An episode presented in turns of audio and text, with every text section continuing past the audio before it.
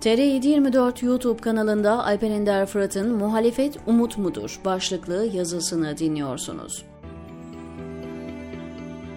Muhalefet yapılacak ilk Cumhurbaşkanlığı seçimlerinde Recep Tayyip Erdoğan'ı bu kez yeneceklerinden bir hayli emin görünüyor.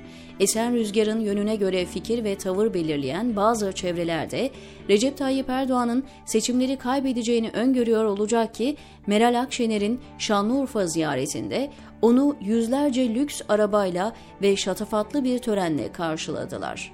Akşener'e gösterilen ilgi ülkedeki genel mafya ve müteahhit kliklerinin yeni ata göre konumlandıklarını da gösteriyordu. Gerçekten muhalefet seçimleri kazanabilir mi? Maalesef çok emin olamıyor, rahatlıkla evet diyemiyoruz. Türkiye tarihinin en büyük ekonomik krizi yaşanırken ve yine en derin yolsuzluk çemberi içinde hazine boşaltılırken bile AKP'yi birinci parti olma konumundan indiremeyen bir muhalefet var.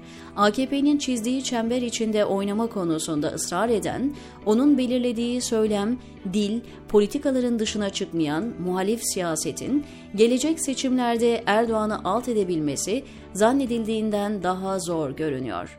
Bir tarafta istisnasız herkesle uzlaşabilen, her şekle girebilen, her boyaya boyanabilen, hiçbir kırmızı çizgisi olmayan RTE var Diğer tarafta kendi uydurduğu saçma sapan kırmızı çizgilerde kendini boğazlayan muhalefet partileri.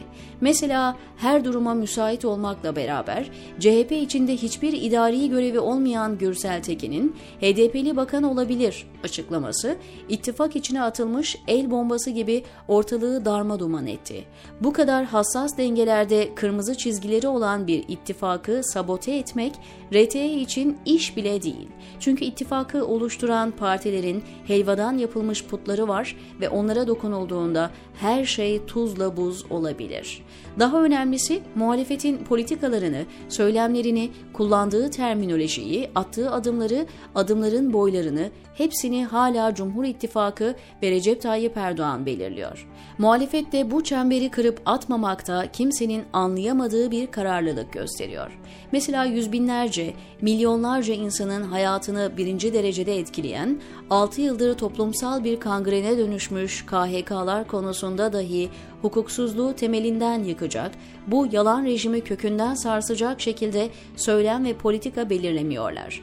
Yani sırf o için bile olsa farklı bir politika geliştirilir ama yapmıyorlar. 15 Temmuz rejiminin onlara müsaade ettiği kadar hareket ediyorlar ve sarayın çizdiği çizginin ilerisine geçmiyorlar.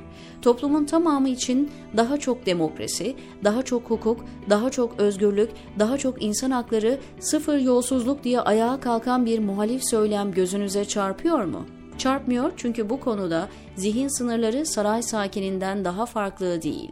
Kılıçdaroğlu'nun KHK'lar konusunda yaptığı çıkışı 50 kere kendisine yedirmekle kalmadılar. Sadece beraat edenleri, soruşturma geçirmemişleri göreve iade edeceğize döndüler yine. Bu konuda en radikal söylemde özlük hakları verilir ama devletin kritik noktalarında görevlendirilemez sınırında. Gerisini siz düşünün. Aslında dananın kuyruğunun koptuğu yerin de tam burası olduğu kanaatindeyim. AKP hırsız rejiminin görevden atıp hapsettikleri hakim, savcı ve polislerin hırsızlığa ve kriminal olaylara karşı gösterdikleri gözü karalık iktidarın olduğu kadar muhalefet partilerinin de gözünü korkutuyor. Türkiye'deki siyasetçilerin içinde balık kovanıyla yiyenleri bir tarafa koyuyorum, en dürüstü de bal tutarken parmağını yalar. Siyaset yaparken yiyelim içelim ama kimse bize hesap soramasın, en fazla sandığa gideriz, millet beğenmezse oy vermez diye düşünür.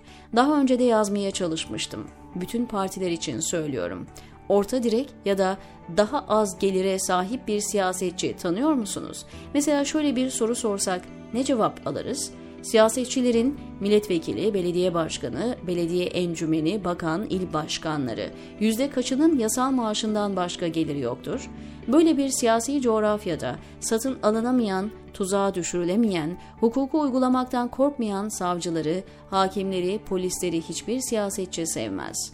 Muhalefetin KHK'lı devlet memurları için bu kadar ayak diretmelerinin, hıkmık etmelerinin en büyük sebebi budur, diyor Alper Ender Fırat, TR724'deki köşesinde.